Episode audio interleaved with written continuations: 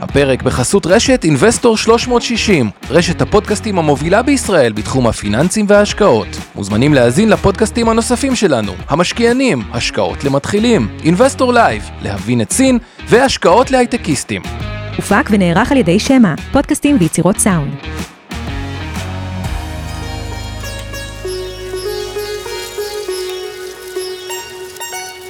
שלום, ניהאו, כאן יובל ויינרב מלהבין את סין, הערוץ שלכם לכל מה שצריך לדעת על המעצמה שתעצב את המאה ה-21. היום הוא הפרק ה-27 של הפודקאסט שלנו, והיום אנחנו מארחים את ערן ניצן, מחבר הספר מלחמת 100 השנים הבאות, ספר חדש חדש ומומלץ, והציר הכלכלי לשעבר בוושינגטון. אגב, כיום ערן הוא יושב ראש הוועדה המרכזית תכנון ובנייה בגוש דן, והוא גם בקיא בכל נושא הנדל"ן בסין, שזה כנראה יהיה פרק אחר ונהדר בפני עצמו, אבל היום נדבר בראש ובראשונה על הספר החדש שיצא בהוצאת מטר, והנה אנחנו מתחילים. לפני זה אני רק אזכיר לכם שלהבין את סין הוא חלק מרשת הפודקאסטים של אינבסטור 360, הרשת המובילה בישראל לתחום הפיננסים וההשקעות. אז הנה פרק מספר 27, ערן ניצן, מתחילים. שלום ו 你好 לערן ניצן, ברוכים הבאים ללהבין את סין. 早上好, יובל, בוקר יפה, טוב, איזה. כיף להיות בפודקאסט המצוין שלך. איזה כיף שבאת, תודה רבה, והפתעת אותי גם עכשיו בסינית, אני מבין שבוושינגטון הצלחת ללמוד גם קצת סינית. אל תתרשם יותר מדי, בוא נעצור את זה פה. אה, אז ערן, באמת אה, יצא לי לקרוא את הספר, אה, כמובן לפני הפרק כאן, ואמרתי לך את זה גם לפני הפרק, אבל אה, אני אגיד זה גם כאן on record, אה, שלדעתי זה פר, אה, ספר מצוין, אה, תודה. מאוד אהבתי את הרעיון הזה באמת של לצאת שנייה מאיזשהו נרטיב, ש... כי, כי בסוף אנחנו מקבלים נרטיב או מהצד הסיני או מהצד האמריקאי, שהוא מאוד מובחן עם אג'נדה מאוד ברורה, אינטרסים מאוד ברורים, ואתה באמת עושה סדר בספר שלך, וקצת מסביר את העמדות של שני הצדדים, וגם בא עם, עם השקפה מכל הניסיון שצברת, שהוא מאוד רלוונטי, ככה first hand impression, מה שנקרא, משני הצדדים. אמ, אז אולי באמת, לפני שאנחנו נכנסים ממש לתוכן של הספר, תספר לנו קצת מה גרם לך בעצם לכתוב אותו. אז קודם כל תודה על המחמאות, אני שמח שנהנית מהספר. אה, מה שגרם, מה שהתחיל, הספר הזה התחיל בארוחת צהריים. אני יושב במסעדה בוושינגטון כציר כלכלי של ישראל, וצפוי לפגוש את הציר הכלכלי של סין. אה, אני יושב באותה מסעדה ומחכה, אני נמצא בגפי, ופתאום אה, שיירת רכבים, שחור- רכבי שחורה עוצרת, והציר הכלכלי הסיני בארצות הברית אה, יוצא ממנה ופוסע אליי, וניהלנו שיחה מרתקת, היא גם כתובה בספר. אה, נכון. גם אישית, אגב, וגם המקצועית, הוא, הוא לא הצליח להבין את האירוע שבו אנחנו נמצאים עם ארבעה ילדים, הוא, לא, לא, לא כן, הפנים את העובדה שמשפחה מגדלת ביודעין ארבעה ילדים, כמו מה זה החוסר אחריות. המשווע הזה, כן, אתה כותב שם, זה היה מצחיק. ומהר הגענו גם לדיון היותר מקצועי והתובנות שהחלפנו בינינו. הוא, הוא מאוד הקפיד בתור אה, נציג בכיר סיני לעמוד מאחורי הקו הרשמי, אני הייתי יותר משוחרר באופן טבעי. כן, אבל בשורה התחתונה המסר שלו היה, אה, אתם לא כאלה מיוחדים, אתם כמערב, כדמוקרטיות, גם לנו יש סוג של דמוקרטיה, מהמם. זו נקראת דמוקרטיה צנטרליסטית, ומעל כל זה השיטה הליברלית שאתם באים ומנסים לכפות על כל העולם, אי אפשר לנהל דרכה מיליארד וחצי איש. כן, אמר, ובזאת נפרדנו. אה, אז כן. הייתה שיחה מרתקת, וממנה אני התחלתי לקחת את העניין, ולשמחתי הרבה, זה הייתה בדיוק אה, ערב האירוע שבו ישראל הקימה את ועדת ההשקעות הזרות שלה בקבינט הביטחוני, ויצא לי המקבילה הישראלית לסיפיוס בעצם. נכון, אפשר להגיד. ויצא לי כמי שכיהן כציר כלכלי באותו זמן להיות אה, מעורב במגעים הללו ולתווך אותם ל-State Department ול-Treasury בארצות הברית, ו- ומשם באמת אתה גם מגלה את מה שאני חולק בספר, איך האמריקאים חרדים מסין, איך אה, הם דואליים גם לגבי, אנשי ממשל, אנשי צבא רואים בסין מתחרה על גבול אויב, זה, זה ממש תהליך שאתה רואה, אוקיי, זה ל-enemy. מהמם. בשעה שאיש העסקים האמריקאי בסיליקון ואלי רואה בסין אה, לא רק הזדמנות לייצר את המוצרים שלו, אלא גם שווקים שהוא יכול לשווק אליהם. אז הוא רואה את העתיד שלו בהם. הדואליות הזאת ריתקה אותי, וגם המגעים שלי עם הסינים עניינו אותי מאוד, ומכאן נולד הספר הזה. ש, שבעטיפה שלו יש שני, שני ראשים שמסתכלים אחד על השני, ו, ו, ומה שאני מנסה לבטא בעטיפה זה הסימטריות. אנחנו כבר כן. בעולם סימטרי, זה לא... ו- וזה דבר מדהים לחשוב לא עליו. עולם חד קוטבי כזה שהכל אה, קורה רק לפי... הוא כבר לא חד קוטבי, ולחשוב שסין לפני 30-40 שנה הייתה, בוא, 800-900 מיליון איש מזי רעב.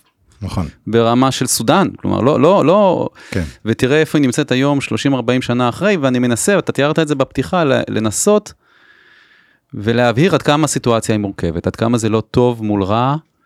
אה, לסין יש אה, חסרונות אדירים, אנחנו כן. בוודאי לא יכולים להשלים עם הרבה מאוד פעולות שסין נוקטת בהן, נדבר על זה, אבל יש לה הישגים פנומנליים יחד עם זאת, כלומר אין משטר, מדינה, ממשלה שהצליחו לחלץ 800 מיליון איש מעוני מחפיר, מרעב, למקום שנמצאים בו. במובן הזה, זה ההישג האנושי הכלכלי, אני חושב, הכי גדול בהיסטוריה האנושית. כן, זה נכון, זה, זה דבר מדהים שהרבה אנשים במערב, אני חושב בכלל לא, לא מבינים את, ה, את הגודל ואת המשמעות שלו, וגם עוד יותר לא מבינים כמה דבר זה נותן לממשל הסיני קרדיט אצל העם שלו עצמו. כלומר, בסופו של דבר כמובן שיש גם עניינים של פרופגנדה והרבה מאוד דברים שקורים שם שהם אפשר להגיד סוג של שטיפת מוח ברמה כזאת או אחרת אבל בסוף אם אתה היום היית עושה לדעתי בחירות דמוקרטיות לחלוטין בסין נותנים למי שרוצה להתחרות ב-100% לא מכשילים אותו לא שמים לו רגליים לא כלום. אני חושב שהמפלגה הקומוניסטית הייתה עכשיו אולי עם הקורונה עוד יחסית הייתה מקבלת קצת פחות עם כל הסגרים שהם עושים לאחרונה אבל אם היית עושה את זה לפני חצי שנה או שבעה חודשים זה היה אחוזי תמיכה מדהימים מתוך זה שבאמת רוב האנשים מרגישים שהם מקדמים אותם קדימה שבסוף ה... הדרך שבה ממשלים נבדקים בסין, שושלות וממשלים מאות ואלפי שנים אחורה, היא בתוצאה. כן אה, וכל עוד המפלגה הסינית הצליחה לקדם את איכות חייהם של אה, מיליארד וחצי אנשים בסין, היא זוכה לתמיכה ולאהדה. נכון. אה, זה עשוי להתהפך בסופו של דבר, זה קרה בהיסטוריה של סין. כן. אה, אנחנו כולנו מכירים את המנדט השמימי, כן וכרגע הכוכבים בגדול, אנחנו, כרגע יש כמה קשיים בסין, אבל באופן רחב ביותר, כל הכוכבים מסתדרים לסין והיא מתעצמת. אפשר לומר שהיא חוותה את 30 שנה המוצלחות ביותר בשלושת אלפים השנה שלה. תחשוב כן. על זה רגע, סין נמצאת באותם גבולות 3,000 שנה, דווקא לעיניים ישראליות כדי להבהיר.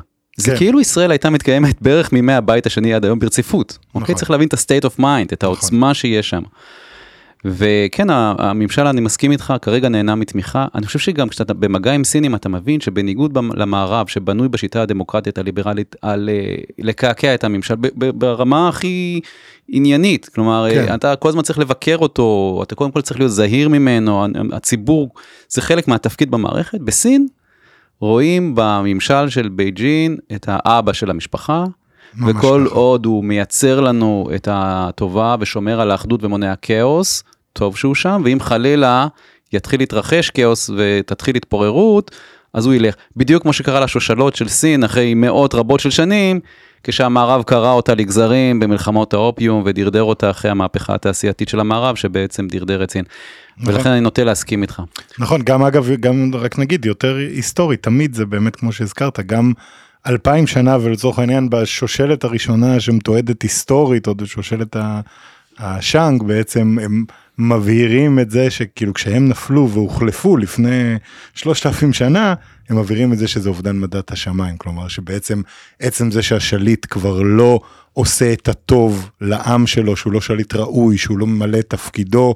זה עוד לפני הקונפוציאניזם אבל מה שהיום כבר נכון, הוא קיבל איזה זווית נכון. קונפוציאנית כזאת של החובות שלו כלפי העם שלו אה, אז זה הסיבה להחליף אותו כל פעם זה מסיבה אחרת וזה באמת אה, אני אני גם מאמין שזה עדיין טבוע באמת בתרבות בצורה כל כך שורשית. אגב, אתה מדבר על אה, מה היה קורה אם היו בחירות היום בסין, ואני מניח שהם היו גם לוקחים אותן, אבל אה, זה מוביל אותי לנקודה נורא מעניינת שלומדים כשאתה עוסק עם סינים.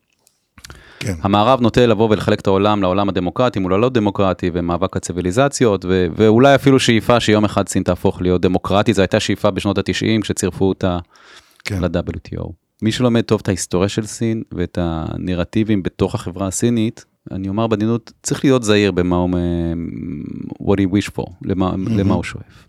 סין היא גם מקום עם הרבה מאוד לאומנות. הקומוניזם הסיני המאואיסטי, בניגוד לזה של הלניניסטי, היה קומוניזם לוקאלי, קומוניזם לאומני. מהמם. עם כל הביקורת על הממשל בסין, אחד הדברים שהוא קונטיין, אחד הדברים שהוא מכיל זה ביקורת לאומנית, הוא יודע גם להשתיק אותה, הוא יודע גם לשלוט בה. סין דמוקרטית מחר, מה שלא צפוי לקרות אגב, אבל נדבר רגע כן. ברמה התיאורטית, שבה מנהיגים פופולריים, פופוליסטים, מתחרים אחד בשני, עלולים ליצור מציאות שבה אנחנו עלולים לחזור ולהתגעגע למפלגה הקומוניסטית לבעל הבית אחד, שמנהל את האינטרס. זו שאלה ענקית, אני לא בטוח שהעולם מייחל לעצמו שמיליארד וחצי סינים יעברו בטח לא בן לילה לתחרויות יופי ולממשל, ולממשלים פופוליסטיים שעלולים לדרדר את המצב הרבה יותר מהמצב של היום. אה, אני אומר את זה עם כל הזהירות, גם היום יש לנו הרבה ביקורת על סין ועל הדרך שהיא מתנהלת, אה, היא לא מתנהלת באופן מושלם, בוודאי שלא. אבל uh, יש המון שטחיות לפעמים בדיון שאולי סין תהיה יום אחד דמוקרטית, אני, אני מציע לכל מי ששואף לזה, לנסות ולהפנים גם מהלקחים בהיסטוריה, מתי הדבר הזה נכון ומתי הוא פחות נכון, ונדמה לי שבתרבות הסינית, בהיסטוריה הסינית, בסין כמו שאנחנו מכירים אותה היום, אני לא בטוח שדמוקרטיה המערבית היא הממשל uh, שיצעיד את האנושות ואת העולם לעתיד הרבה יותר טוב. אני מאוד מסכים איתך, אני חושב שזו תובנה חשובה מאוד, ולדעתי גם באופן כללי, הניסיון הזה לגרום לסינים איזשהו שינוי בצורת התנהלות הפנימית שלהם, זה משהו שהוא נידון לכישלון חרוץ במיוחד כשיש עוד את כל הצלקות האלה של 100 שנות ההשפלה שהזכרת וזה שכאילו אף אחד לא יגיד לי מה לעשות פה בבית שלי שאני מחזיק כבר 3,000 שנה. כן אולי הדרך ונגיע לזה אולי בהמשך השיחה אבל כן אפשר לחשוב על דרכים שבהם אפשר להכניס איזשהו מערכת של איזונים או כללים של התנהלות בזירה הגלובלית שזה אולי משהו אחר אבל לצפות מהסינים להתיישר לפי סטנדרטים אה, אה, מערביים בתוך הבית שלהם זה משהו שגם הסיכוי שלו הוא קלוש וגם כמו שאמרת הוא יכול להיות מאוד מסוכן. אגב מי שבאמת הוביל קו כמו שאתה מתאר היו ניקסון. נכון. וקיסינג'ר, בדיוק כן. זה, עומד שם על החומה הגדולה, הרי דקה אחרי מהפכת התרבות זה היה ברור שמאו גם הוא שליט אה, אלים, אה, אבל אגב האינטרסים האמריקאים בווייטנאם ובברית המועצות כמובן, נכון. עדיין עומד שם ומבקש וקובע שהוא רוצה לקוות שהחומה הגדולה שאנחנו רואים בסין, אה, שמייצגת אנושיות גדולה, ו... אנחנו רוצים לפרק חומות בין האנשים, את החומה הזאת להשאיר כמובן, אבל כן. שבין האנשים ובין האומות החומות תפורקנה, הביקור ההיסטורי שלו בסין המחיש ששני מנהיגים יכולים להתעלות ולא לנסות, לצורך העניין, לחנך ולשנות אחד את השני בפנים, אלא לשתף פעולה לטובת אה, עתיד טוב יותר. אמ, אני חושב שאנחנו צריכים לשאוף על זה בעולמנו, והאתגרים שעומדים מול שני מנהיגים כאלו של סין הברית, נשק גרעיני, אקלים, הם בעצם יחצו את גורל האנושות. אמ, וכמו שאמרת, אני נוטה להסכים איתך, הניסיון לבוא ולהגיד, אנחנו נתקדם עם סין אחרי ש... אחרי כן. שתוותרו על טיוואן, אחרי שתוותרו על טיבט לצורך העניין, אחרי כן. שת... ת, תפסיקו פעולות מול אויגרים, אז אנחנו נתחיל להתקדם איתכם, הוא שיח לא מאוד אה, פרודוקטיבי וצריך להבין את סין עמוק כדי להגיע לתובנה כזו. כן, זה נכון. אז אה, ערן, אה, ככה לפני שאנחנו נכנסים לדברים ספציפיים מהספר, באיזה שנים היית בוושינגטון כשבעצם התחלת להתוודע ככה first hand לכל ה... אני כיהנתי כציר בשנים 2017 עד 2020, הייתי משפחתי בוושינגטון, הימים היו ימי ממשל טראמפ. וימי שיא, אה, שיא מלחמת הסחר אפשר להגיד, שיאה של מלחמת הסחר, כל בוקר מתעוררים לתעריף חדש. כן. אה, זה היה מרתק, אה, גם העבודה עם הממשל האמריקאי באותם שנים הייתה מרתקת, הייתה, היה שיתוף פעולה מאוד מאוד חם בין אותו ממשל לממשלה כן. בישראל, וזכיתי להיות באותו זמן במקום הנכון. ואיך באמת אה, הרגשת את הלחץ הזה בנושא הסיני, כלומר בתור אה, הציר הכלכלי בוושינגטון של מדינת ישראל שהיא כביכול לא צד ישיר במלחמה הזאת אבל בכל זאת. אני חשתי את האסקלציה בין 2017 לקיץ 20 ככל שחלפו החודשים והשנים הטרמינולוגיה של העמיתים האמריקאים כלפינו הלכה ונהייתה אה, יותר אה, חדה. אה, לישראל יש כמה ממשקים מאוד רגישים בנושאים טכנולוגיים מבחינת האמריקאים. וישראל תלויה באופן עמוק מאוד בארצות הברית, אה, בכל הזירות. כלומר, mm-hmm. כשאתה נושא בתפקיד כזה, אתה גם מבין את עומק החשיבות של הקשר הזה, ובאופן טבעי ההנהגה הישראלית אה, נוטה לשמר את הקשרים מול בעלת הברית הכי חשובה שלנו, אה, ביחס לעתיד היחסים הכלכליים האחרים. אני חייב לומר שכשאני נחשפתי לשיח כאן בתוך ישראל, הוא מחולק לשניים. יש את אנשי מערכת הביטחון, לסוגיה ולענפיה, שהם מצדדים בעמדה האמריקאית באופן מוחלט, אה, הם בתוך החדרים מבטאים את העמדה האמריקאית ומדגישים את החשיבות של אה, להישמע לה באופן מוחלט. מתוך האינטרסים של מערכת הביטחון, כמובן כן. לגיטימי לטובת כולנו. דווקא השיח האזרחי ביחס לתשתיות, למשל, או ביחס לנושאים אזרחיים אחרים, הוא שיח יותר ליברלי שבא ואומר, אוקיי, לצד הטכנולוגיות הרגישות של טכנולוגיות הדור החמישי וכאלה, יש גם טכנולוגיות או אפשרות להתקשר עם הסיינים בנושאים אה, פחות רגישים. הדוגמה הכי קלאסית היא קריאת אה, מנהרות וכבישים, יש חברות סיניות נכון. מעולות. אה, שמציעות לך שירות במחיר נמוך בהרבה ממתחרותיהן. בסוף מדובר על תקציב משלם המיסים, זה מאפשר לך לכרות את המנהרה מצד אחד ולהמשיך לסבסד אה, את השירותים האחרים לאזרח מצד שני. וחשוב מאוד לשמר את הערוץ הזה. שיאפשר לנו לפתח בעיקר תשתיות, שאנחנו כל כך צריכים אותן פה מסביב. נכון. גם עם המעצמה הסינית שיודעת לספק חברות נהדרות, אה, מקצועיות וזולות יחסית. ואיך זה באמת מצליחים לאזן בין, אה, בין שני הדברים האלה? כלומר, בסוף, אתה יודע, אני מניח ש... אה, כשאתה ציר כלכלי בוושינגטון, בתקופה הזאת, יש הרבה לחץ מהצד האמריקאי גם על הנושא האזרחי, כי כמו ש... שהזכרת באופן הולך וגובר, זה, זה לא עניין כבר רק של אה, מלחמה או, או חשש מעימות צבאי. יש פה מלחמה על השפעה כלכלית, אה, גיאופוליטית, כל ההסבר. בשנים שאני כיהנתי כציר, גם באמצעות השגריר בארצות הברית, רון דרמר, וגם משרד ראש הממשלה, mm-hmm.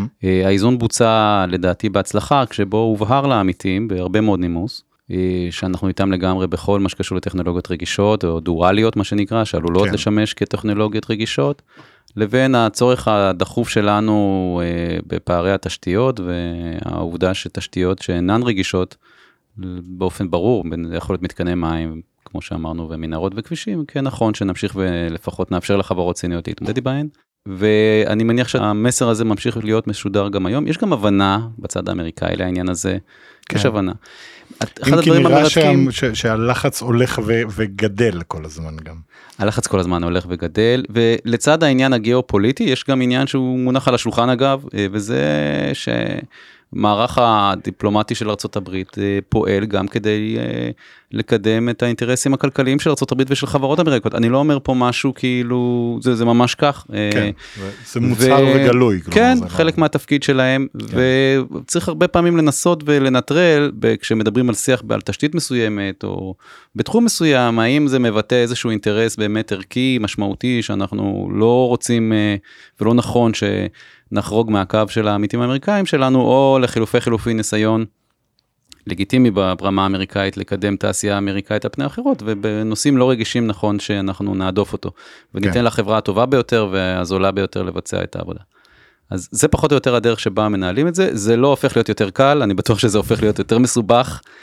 אמ, וזה ימשיך, מה שגם עולה גם בספר, השיחות הללו רק תתעצמנה עם השנים. כן. כרגע אנחנו מסוגלים לנהל את זה כמערכת באופן אה, ללכת בין הטיפות. עלולה להתרחש סיטואציה שבסוף אה, הבחירה תצטרך להיעשות, אה, אם המצב ימשיך וידרדר.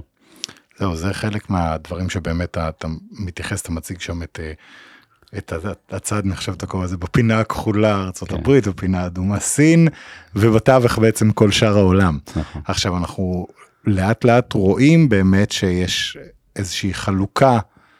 בין אם זה במקום רצוני, בין אם זה במקום של חוסר ברירה לחלק מהמדינות, אה, לקחת צד. כלומר, יש אה, דרישה כזאתי, אה, אני חושב שאפשר להגיד שיותר מהצד האמריקאי, אם כי ברור שגם סין מנסה להכניס לצד שלה כמה שיותר את מי שהיא יכולה, אבל יש מין ניסיון ליצור איזשהו... מלחמה בין גושית כזאת, לפחות בזירה הכלכלית, ובחלק מהמקומות גם יותר מזה. איך אתה רואה את זה משפיע על הדינמיקה בעולם בעצם? קודם כל אתה צודק, הדרישה הולכת ומתגברת, אבל גם הברית היא לפעמים uh, צריכה ליטול קורה מבין עיני עצמה. אה, אחד הדברים שהם אומרים, בסדר, את- אתם לא מגבילים יותר מדי השקעות של סינים, נגיד בחברות טכנולוגיה אמריקאית, אגב עכשיו הם מתחילים, כן, לעשות כן. את זה. או לחילופי חילופין, היה- יש נמלים שלמים בארצות הברית שחברות סיניות מפעילות. נכון. הכלכלות האמריקאית והסיניות כל כך תלויות אחת בשנייה, שהמסר האמריקאי גם הוא מתקשה לבטא איזה מדיניות מאוד מאוד ברורה, ואני חושב שטוב שככה, אני חושב שלא נכון להידרדר לקיצוניות של שחור ולבן ו- to, to pick a side. כן. אבל ולכן האמריקאים מעט מתקשים בזה, אתה צודק, הם, הדרישות שלהם הולכות ומתעצמות מול העמיתים באירופה בוודאי, מול עמיתים קרובים כמו ישראל בוודאי. יש כאלה שבחרו צעד זה מכבר, אוסטרליה היא דוגמה נהדרת שכבר בחרה את הצד שלה, הודו ודאי שעשתה את הבחירה שלה זה מכבר ומתייצבת לצידה של ארה"ב, אם כי לאחרונה אנחנו אפילו רואים, בדיוק, פתאום זה נראה פתאום פחות שזה- חד משמעי ממה שזה... קצת- פחות חד משמעי, אני מסכים, אבל הנטייה של הודו היא כמובן להיצמד לארה"ב, הודו חוששת מאוד מארה"ב, ואני אגיד לך עוד משהו שיפתיע אותך, כן, ואת, את- ואת המאזינים שלנו, זה היום במיוחד זה יישמע מוזר. כן. אני מאמין שבטווח הבינוני והארוך, גם ברית המועצות, גם רוסיה כן. תבחר את הצד האמריקאי. מה אתה אומר? כן, מתוך, אני חושב- מתוך החשש של, שגרם לסין בעבר לבחור את הצד האמריקאי. אני חושב שהדיון של מי שגובל בסין הוא מעט שונה מהדיון של מדינות אחרות, זה נכון על הודו, זה נכון על ברית המועצות, על רוסיה סליחה. אה, היום זה לא רלוונטי כמובן עם פוטין ואוקראינה וכל מה שקורה, כן. אבל בעידן שאחרי, אה, בסוף רוסיה היא מדינה ששייכת לציוויליזציה המערבית, הנוצרית, כן, האיום שהיא רואה מסין שהולך ומתעצמת אה, הוא איום משמעותי מאוד מבחינתה ולכן אני מעריך שבטווח מעבר לאופק אולי טווח הבינוני והארוך. אתה תראה דווקא התקרבות ויח- והתקרבות, כן. התקרבות ל- אה, של רוסיה למערב, התקרבות של רוסיה לארצות הברית, כי האויב של אויבי הוא ה- הוא החבר כן. אה, הכי טוב, ו- ואז אנחנו נראה אותם מתייצבות יחדיו מול הגושים הללו של, כמו שאתה מתאר, סין ובעלות בריתה, והמערב וארצות הברית מולם. זו נקודה מעניינת מאוד אגב, אה, אתה יודע, זה... אני בהחלט יכול לראות תרחיש כזה שהיום הוא נראה באמת מופרך ומפתיע. פשוט אבל- צריך להבין עד כמה הרוסים מוטרד, אמיתית מוטרדים מזה שסין אה, פתאום הופכת להיות אה, בעלת הבית באזור. כן. אה, זה לא דבר שהם ציפו לו ולא דבר שצפו אותו לפני 20 ו-30 ו-40 שנה כשהם נפרדו מהם. נכון. הרוסים והיו האח הגדול, הקומוני זה, שמסביר לסינים איך עושים מה, כל הסינים באו ללמוד ב... בברית המועצות של אותה תקופה, מה עושים ואיך עושים. אה, והנה ברית, רוסיה הזאת מוצאת את עצמה מול הענק הסיני המתעורר הזה, כמו שנפוליאון אמר, הוא מתעורר ומתעורר בגדול, ו... ולרוסיה זה עניין מאוד מאוד מורכב. זה נכון שכרגע פוטין ושי מייצרים את הברית שלהם, אבל אה, זה נכון לימינו אנו, אם אנחנו מסתכלים קצת הלאה זה הרבה יותר מורכב. נכון, בסוף יש אה, גבול של 4,000 קילומטר בין שתי המדינות האלה, שזה משהו לא נתפס. וגם אגב רואים ניצנים קצת של למה, למה שיחששו בכל המדינות למשל של מרכז אסיה, שזה איזשהו מקום כזה שיש איזושהי תחרות סמויה של השפעה בין הסינים ל- לרוסים, וראו את זה בקזחסטן אגב, ש... כשהיו את המהומות לפני פחות משנה, אז הרוסים, שהם מדינת החסות המסורתית, אה, באה ועזרה ל... כן. לדאוג לשלטון, ודווקא עכשיו הנשיא שם, שהוא אגב דובר סינית, עושה סימנים שהוא כן. דווקא נוח לו מאוד עם הצד הסיני, וכשרוסיה מעניין. פתאום מאבדת קצת מהזה, אז אה, נכון. זה נכון, המערכת היחסים הזאת היא, היא כאילו מאוד מובנת מאליה כרגע, אבל אני מסכים, זו השקפה מאוד מעניינת שנתת פה. אה, ובאופן כללי, אבל אתה חושב שאנחנו נגיע למקום, וזה אולי גם אה, לקראת יותר המשך הספר, אבל האם אנחנו נגיע למקום של בעצם באמת מלחמה קרה כזאת, כמו שהייתה בתקופת ברית המועצות וארצות הברית, של ממש, או שאתה בגוש הזה, או שאתה בגוש הזה, אולי יהיה כמה מדינות בלתי מזדהות כאלה באמצע, אבל בסוף אה, הזכרת שהכלכלה מאוד מאוד משולבת אחת בשנייה, אבל בסוף בתהליך הדרגתי אפשר אה, לפרום חלק מה, מהקשרים האלה. אם התהליכים יימשכו כמו שהם, באנרציה שלהם, המלחמה לא רק שהיא תהיה קרה, היא גם תהיה חמה. ודם יישפך. יחד עם זאת, ההיסטוריה מלאה תפניות. ובסוף אני חושב שזה תלוי במנהיג, ממש במנהיגים עצמם, בקצה הפירמידה שיעמדו ב, ב, בשני הגושים, ובמקרה הזה גם מו, בשתי המדינות הללו. האם הם הצליחו לייצר לעצמם את ה- the Nixon moment, משהו מהמם. שבו הם מתעלים מעל הרגע, כן. לא רק בשם האינטרסים הלוקאליים שלהם, אלא באמת אה, לכיוון עתידה של האנושות, דיברנו, אמרנו טיפונת נשק גרעיני ואקלים הם אתגרים אדירים, טרור הוא אתגר אדיר, אגב, עם שיתוף פעולה חם והדוק בשנות האלפיים בין ארה"ב לסין נכון. במלחמה בטרור, שהיום הוא כמובן אה, התהפך, אבל הוא מאיים על שניהם, טרור שמשיג אה, נשק פצצות מלוכלכות או נשק גרעיני, הוא, הוא נכון. איום אמיתי על שלום העולם ועל קיומה של האנושות. אז אנחנו צריכים לקוות שבראש שתי הציוויליזציות הללו ובראש שתי האומות הללו יעמדו מנהיגים שיתעלו מעל הרגע, יבלמו את המגמה. ארה"ב תפנים בסופו של יום את העובדה שהיא לא מעצמת העל היחידה כמו שהייתה פה בש- בעשרות השנים האחרונות, היא לא. כן. ומקומם של אלף, מיליארד וחצי אנשים לא יכול להידחק לפינת העולם. הם חייבים לעמוד במרכז הבמה, וסין מצידה, גם היא אה, תפנים את הגודל האחריות שיש לכלכלה ולמדינה ולציוויליזציה אדירה כמו שהם, ולא רק האינטרס הנקודתי, הלאומני, הפנימי בסין מכתיב את מהלך העניינים, אלא עתיד שלומו של העולם ועתידה של האנושות. כששני המנהיגים או שתי האומות יפנימו, וזה לא קל, זה לאף לא אחת קל, מהם לעשות נכון, את זה, נקודה- אז אה, אולי נצליח לשחזר את אותם רגעים יפים מ-72, כשישבו שני המנהיגים הללו ושרטטו עתיד אחר, ש- שהתחיל להתרחש אגב, ובמשך 20-30 שנה היחסים התהדקו עד ששוב הם עד התהפכו. שהתהפך קצת הגלגל, נכון. כן, אבל זה באמת, אה, נגעת בשתי נקודות מצוינות, כלומר שהיום אני, אני חושב ששתי המדינות באמת עוד לא שם, כלומר ארה"ב כן. לא באמת מוכנה עוד אה, ל- להכיר, למרות ש, שיש, אתה יודע, כבר את הקולות האלה, כי זה בעצם אין סוג של אין ברירה כזאת, אבל לא באמת מוכנים להפנים את העניין הזה של אוקיי. אנחנו כבר לא הסופר פאוור היחיד שקובע את כל מה שיהיה לא, בסדר פוליטיקאי העולמי. שיגיד את זה בוושינגטון מורידים לו את הראש. לא משנה אם זה דמוקרט או רפובליקני שיעז להגיד חברים בוא רגע נתמודד עם המציאות. בוא נראה, בוא נראה את המציאות כן? אפרופו כן. מצעד האיוולת של ברברה טוכמן בוא נראה המציאות קובעת שאנחנו לא לבד פה. כן, אורייט אנחנו לא לבד. כן. העולם אה, יש שניים. אנחנו וסין אה, כן. עומדים בראש העולם. אה, מי שיגיד את זה בוושינגטון חוזר הביתה נכון. זה אתה צודק זה תהליך. ואותו דבר אגב בדיוק כמו שאמרת גם בסין גם כלומר בסין. נורא קשה להם היום לצאת מהמקום הזה. שאגב ש- זה חלק ממה שהביא אותם עד היום של מין אינטרסנטיות קרה כזאת מחושבת של להבין אוקיי מה משרת האינטרסים של סין הכי טוב.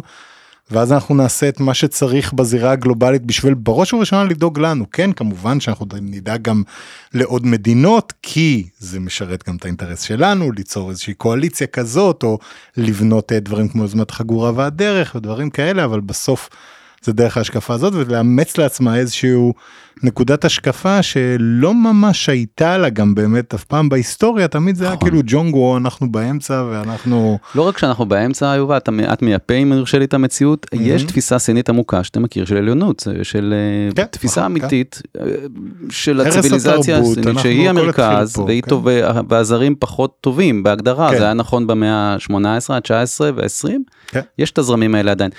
וצריך לקעקע אותם וכשהם השתנו וזה קשה מאוד אז באמת אפשר יהיה להתיישב ולנסח עתיד טוב יותר. בהקשר הזה זה באמת זמן אה, בוא נגיד זה זה שינויים לא פשוטים שצריכים להיות נכון. אה, בשני הצדדים אבל אה, אתה מתאר בספר שלך ואני חושב שזה אחד הנקודות החשובות. איפה כן יש והזכרת את זה גם בקצרה עכשיו בשיחה אבל נשמח שנפרט את זה קצת יותר איפה בכל זאת יש את המקומות שבהם האינטרס הוא כל כך במובהק משותף של שני הצדדים שזה יכול להיות אולי הדרך להתחיל נהדר. לסלול אה, נהדר. שיתוף פעולה. הזירה הראשונה היא האקלים. אי אפשר להתמודד עם האקלים בלי סין, אי אפשר.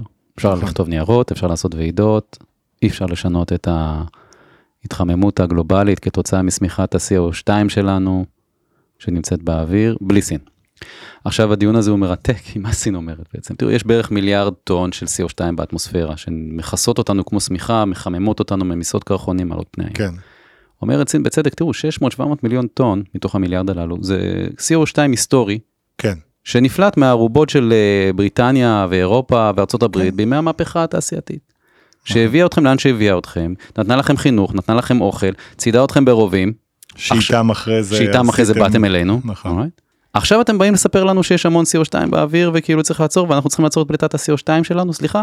ולעצור כביכול את ההתקדמות שלנו עכשיו כי אנחנו צריכים לא להכיל את מתאים האנשים לכם. שלנו, אנחנו צריכים לפרנס אותם ולהגדיל את ה-GDP שלנו.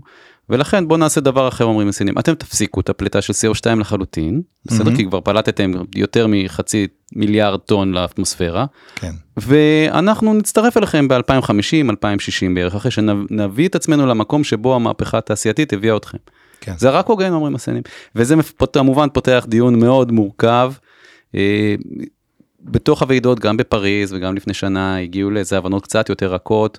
אני חושב שבספר של אה, אובמה, The Promised Land, מאוד מעניין לשמוע איך הוא ממש יושב מול נשיא סין ומנהל איתו את המגעים הללו.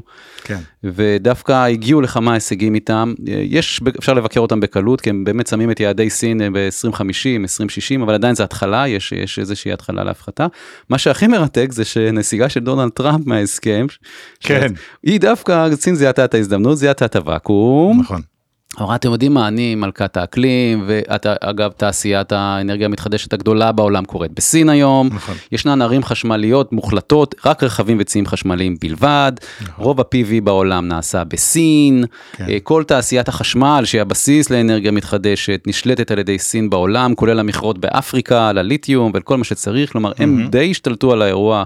של כלכלה חשמלית כחלק מיעדי האקלים. עכשיו הברית חזרה, באמת זה מאוד תלוי במנהיגים, אם הם יצטרכו לשתף פעולה. ואני קצת פסימי, כלומר, ככל שמערכת היחסים הגיאופוליטית מידרדרת, ככל שהערוצים בין הברית וסין מצטמצמים רק לכדי 0-1, עד כשאתה מנצח אני מפסיד, כשאני מנצח.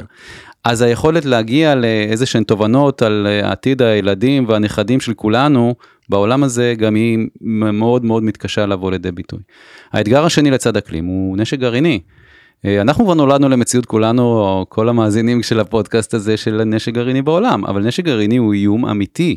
זה שהתרגלנו אליו לא אומר שזה, ישנו אקדח טעון מכוון לרקה של כולנו, והוא נקרא נשק גרעיני. רקה גלובלית, כן. לרקה. הגלובלית, והוא נקרא נשק גרעיני. נכון. אה, מה שמרתק זה המאבק הגרעיני בין ארצות הברית וברית המועצות, מהמם. שהמנהיגים הבינו את גודל הקטסטרופה, וגם יצרו אמנות להפחית נשק גרעיני, אגב ניקסון, וגם יצרו את ה, מה שנקרא הקו החם, היה קו בין וושינגטון כן. לבר, לברית המועצות, שבו באמת זה קו צבאי שהיה ברור ששם פותרים בעיות אם יש אי הבנות.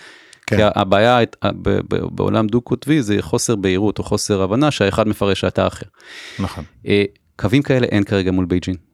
ובייג'ין הולכת ומצט... ומצטיידת בעוד ועוד נשק גרעיני אסטרטגי, וככל שהיא הופכת להיות מעצמה גרעינית כמו שהיא, ותהיה יותר, חשוב מאוד שקווים כאלה בין שתי הבירות כן. אה, י- יתקיימו, אחרת עלולה להיות איזה מיסקלקולציה שתוביל לאסון.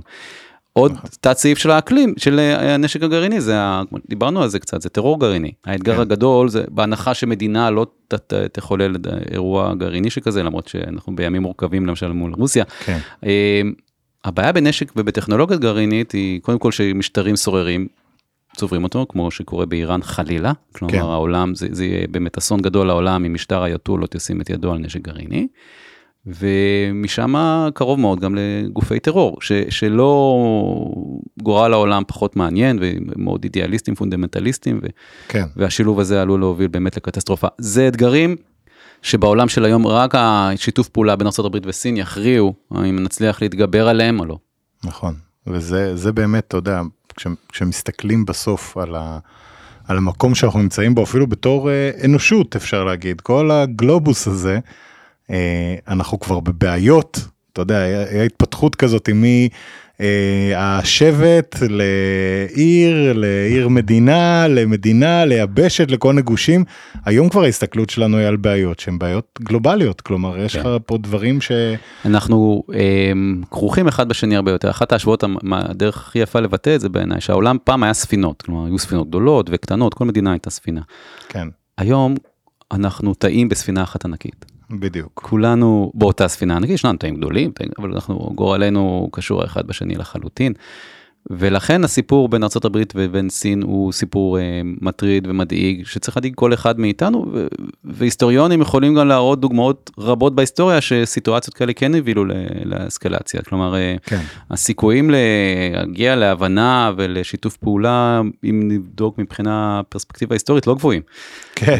אמ, ו- וזה, וזה בעצם האתגר הגדול, ואני חושב שגם השיח שלנו, אגב, גם הפודקאסט שלך והספרים בעניין הזה, לכן הם חשובים, שכל אחד יבין שלא מדובר על איזה דיון תיאורטי באיזה פינה נידחת בעולם, מדובר על ה- עצם החיים שלנו ושל הילדים שלנו והעתיד שלהם פה בעולם, גם בנושאים גדולים כמו אקלים ונשק גרעיני, נכון. אבל גם בנושאים של מוצרי הצריכה שלנו והתרבות שלנו וחופש הדיבור שאנחנו כאילו לוקחים כמובן מאליו, כן. בעולם שבו סין למשל ש- מאבק כוח עצום כמו שהיא הולכת להיות זה דברים שיקועקעו ו- ולא בטוח שאנחנו מבינים את גודל השעה שאנחנו נמצאים בה. אני מאוד מסכים עם הדבר הזה ואני חושב שזה באמת מה שהופך את כל הצורך הזה לא להיכנס, להתחפר באיזשהו נרטיב כללי שרואה את הצד השני בתור איזשהו רוע מוחלט ובאמת זירו סאם גיים כזה כמו שהסינים אוהבים לקרוא לזה תמיד ש... cold war mentality וזירו סאם. גיים אתה רואה את זה בערך בכל הצהרה שלהם כאילו של לא לא להגיע למקומות האלה אלא נכון. כן להגיע למקום שבו אנחנו יכולים למצוא אה, פתרונות. ותראה גם כמה אנחנו מדברים על סין, גם בשיחה שלנו, ואתה בקיא גדול מאוד בסין, על סין כאיום, סין כאיום, כאיום, אבל, אבל סין רואה דברים אחרת לגמרי, גם את זה צריך להבין, גם הקהל הישראלי שמקשיב לנו, אה, סין אומרת בינתיים המשחטות והצוללות ששתות באוקיינוס הן צוללות ומשחטות אמריקאיות מול החופים שלנו, אין משחטות וצוללות נכון. סיניות מול פלורידה, אורייט? בינתיים מי שמקיף אותנו בבסיסים גרעיניים זה ארה"ב אותנו, לא אנחנו אותם. כשבמקביל לארה"ב יש את דוקטרינת מונרו שאומרת שלא יהיו דברים כאלה בחצי באזור של האמריקות שלנו. אה, בינתיים מי שמתערב כן. לנו בנושאים פנימיים כמו הים הדרומי הסיני, כמו טיוואן, זה אתם אצלנו, אנחנו לא מתערבים אצלכם על מעמדה של ניו מקסיקו. כן. ניו מקסיקו היא ב- אומרים בדיוק כמו טיוואן מבחינתנו, מאות שנים חלק מסין, ניו מקסיקו, אף אחד לא מתערב לכם מה אתם עושים שם. ולכן גם הקריאה בספר ובכלל שווה שאנשים יבינו שהנרטיב הסיני הוא לא נרטיב שניתן לדחות אותו על הסף. אה, בטח לא בעוצמה של מיליארד וחצי איש שנמצאים מאחוריו, ו- ו- ואני חושב שככל שנעמיק ונ- וניטיב להבין את זה, אז ייפתחו הגשרים והערוצים שיאפשרו לנו לנהל שיח פרודוקטיבי. בלי להבין את הצורה שבה הסינים רואים את זה אפשר להסכים אפשר לא להסכים אבל בלי להבין את הצורה שהם רואים את זה זה הסיכוי שנמצא פתרון הוא קלוש. ו- קדוש מאוד. והשוואה למלחמה. ואת המופרכות להשוואה למלחמה הקרה, לא ניתן להשוות למלחמה הקרה, זה עולם אחר, זה שאיפות אחרות, אין שאיפות אימפריאליסטיות לסין, בניגוד למה שהיה בברית המועצות. בטח ובטח אני שומע לפעמים השוואות אפילו לשנות ה-30 בגרמניה, אני חושב שהן מופרכות ומיותרות, לא צריך לעשות. את זה. סין היא סין. יש לה מספיק משלה ו- ואין פה איזה אין לנו זה זה זה unwritten chapter כלומר זה לא שניתן ללמוד פה אוקיי מה, מה קרה פעם קודמת שעשינו כזה דבר כי מעולם העולם לא ראה משטר בסופו של יום טוטליטרי בעיניים כן. מערביות אבל בעל עוצמה כזאת. ברית המועצות הייתה חלולה בסופו של דבר אפילו כן. גרמניה של שנות ה-30 ודאי הייתה פחותה בעוצמתה מארצות הברית. ארצות הברית מעולם לא נעמדה מול אויב בר פלוגתא אויב כן. או מתמודד או מתחרה שווה לה בעוצמתה. זה בהחלט אני חושב מה שהספר הזה בסופו של דבר מעביר בצורה מאוד טובה כלומר יש פה אירוע או התחלה של מציאות היסטורית שתעצב באמת את 100 השנים הבאות. ואם באמת ככה לקראת אה, לקראת סיום ערן אם אנחנו כן. חושבים אה, בלי לעשות אה, ספוילרים בוא נגיד לספר לגמרי אבל כן אם אנחנו מנסים לחשוב על הדרך שבה כן אפשר ליצור את, ה, את השיח הזה כלומר איך ב, ב, בצורת בהשקפה שלך איך בעצם אפשר להפוך את, ה, את ההתחפרות הזאת של כל צד בעמדה שלו ואת השיח הרשים הזה קצת ואת החוסר הבנה של הצורה שהאחר רואה את זה. איך אפשר בעצם להעלות את הדבר הזה על מסלול ברור שאמרת קודם מנהיגים צריך שיהיה מנהיגים שבסוף מוכנים לעשות צעד כזה. האם יש גם דברים פרקטיים? הדבר הכי לעשות? פרקטי ואפקטיבי זו אינטראקציה. בכל מובן בחיים שלנו, לא רק עם סין, כשאתה הזר הוא תמיד מאיים. עכשיו כן. תראה, אנחנו יש לכולנו קרובים, ב, לא יודע, בארצות הברית, יש רבים מאיתנו הם קרובים בבר, ב, ברוסיה, אנחנו מבינים כן. את השפה, מבינים את הכיוון, מבינים באירופה, אז הם, גם כשזה מדובר על העולם הנוצרי, אנחנו מבינים את העניין, אנחנו מדברים את אותן שפות, צורכים את אותה תרבות. מי מאיתנו מכיר כמעט סינים? מי מכיר את השנה החדשה הסינית אנחנו כמעט ולא מכירים, וזה מייצר עוינות. כן. אה, בכל דבר, ולכן האינטראקציה והחיבור עכשיו, ולכן חשוב מאוד גורמים שמחברים אמריקאים וסינים ביחד, ויש מכונים רבים שעושים את זה, ובזווית הקטנה שלנו, יש אנשים טובים שגם עובדים על זה כאן בישראל.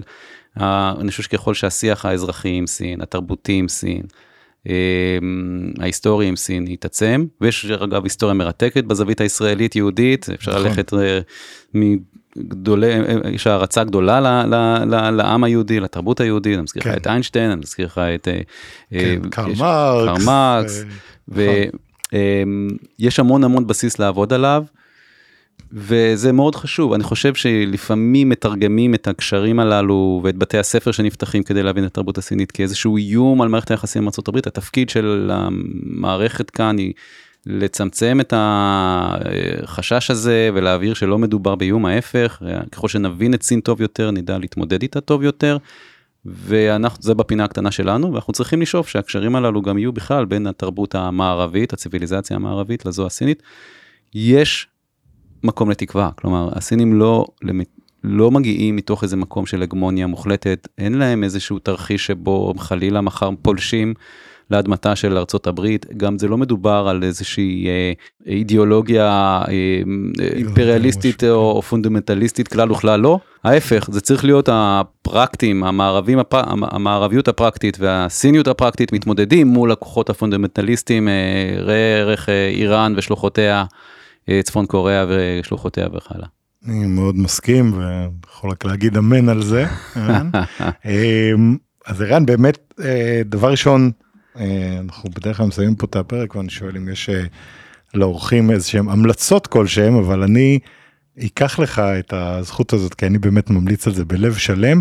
אה, מלחמת 100 השנים הבאות, הספר של ערן ניצן, בהוצאת מטר, איפה אפשר להשיג אותו? בכל חנויות הספרים. אבל. כל חנויות הספרים. יש גם איזה לינק אונליין או כן, משהו שנוכל ו... לצרף להראות של הפרק? אנחנו נצרף גם דרך הצעת מטר וגם יש ספר דיגיטלי, נצרף את כל הלינקים. מצוין, מצוין, אז זה נהדר. יש עוד משהו שהיית רוצה להמליץ עליו ולספר ככה למאזינים שלנו לפני שאנחנו מסיימים? אני חושב שיש זווית אחת שלא דיברנו עליה מספיק והיא הזווית הטיוואנית, וצריך לקוות שהחוכמה של המנהיגים תצליח לייצר שיח אה, גם כאן, שיח אה, כזה קונסטרוקטיבי, כי הביקור האחרון שראינו למשל של אה, ראשת בית הנבחרים היה דוגמה למהלך אה, עם מעט מאוד תועלת והרבה מאוד קולטרל ג'מג', שבפרספקטיבה לאחור נדמה לי שרבים חושבים שעדיף היה שהיה נמנע. אה, ואנחנו... אגב, גם, גם ביידן והצבא האמריקאי נכון, בעצמו אמרו באותו זמן שעדיף נכון, שלא תיסע לשם. נכון, אבל כדי לסיים בתחושה טובה יותר, mm-hmm. ראשית שנה טובה, אבל אני, אני, אני חושב שבתרבות הסינית יש נושאים מרתקים, יש חוכמה אדירה, והרפואה הסינית וההמצאות הסיניות, ולכן אנחנו רוצים לקוות שבסוף תימצא הדרך בשביל הילדים שלנו והדורות הבאים, שהתועלות הללו אה, יבואו לשירות האנושות. ו, וישפרו את החיים שלנו כאן בא, על הכוכב הלכת הקטן שלנו. כבר היום מרחפת לה תחנת חלל סינית בחלל הרי וצופה בנו, ולכן אנחנו כולנו צריכים לקוות שהדבר הזה יקרה ולהתפלל עליו. אמן ואמן. ערן, תודה רבה שהגעת היום. תודה רבה לך, היה כיף. היה מרתק, תודה לך. תודה רבה שהגעתם עד כאן. אם נהניתם, אשמח אם תדרגו את הפודקאסט ותשתפו אותו עם חברות וחברים שנראה לכם שימצאו אותו מעניין. אתם מוזמנים להצטרף לקבוצת הפייסבוק או לערוץ הטלגרם של להבין את סין כדי לקבל עדכונים יומיומיים על מדינת המרכז. אם אתם רוצים להאזין לפודקאסטים נוספים בנושאי פיננסים והשקעות, אני מזמין אתכם להאזין לפודקאסטים של רשת אינבסטור 360. אני יובל ויינרב, תודה רבה לערן ניצן שהיה איתנו כאן היום בשיחה מרתקת. תודה רבה לשם הפודקאסטים ויצירות סאונד ולטובה היקרה שהייתה כאן באולפן איתנו, ותודה רבה לכם על ההאזנה. עד הפעם הבאה, צייג'יאן.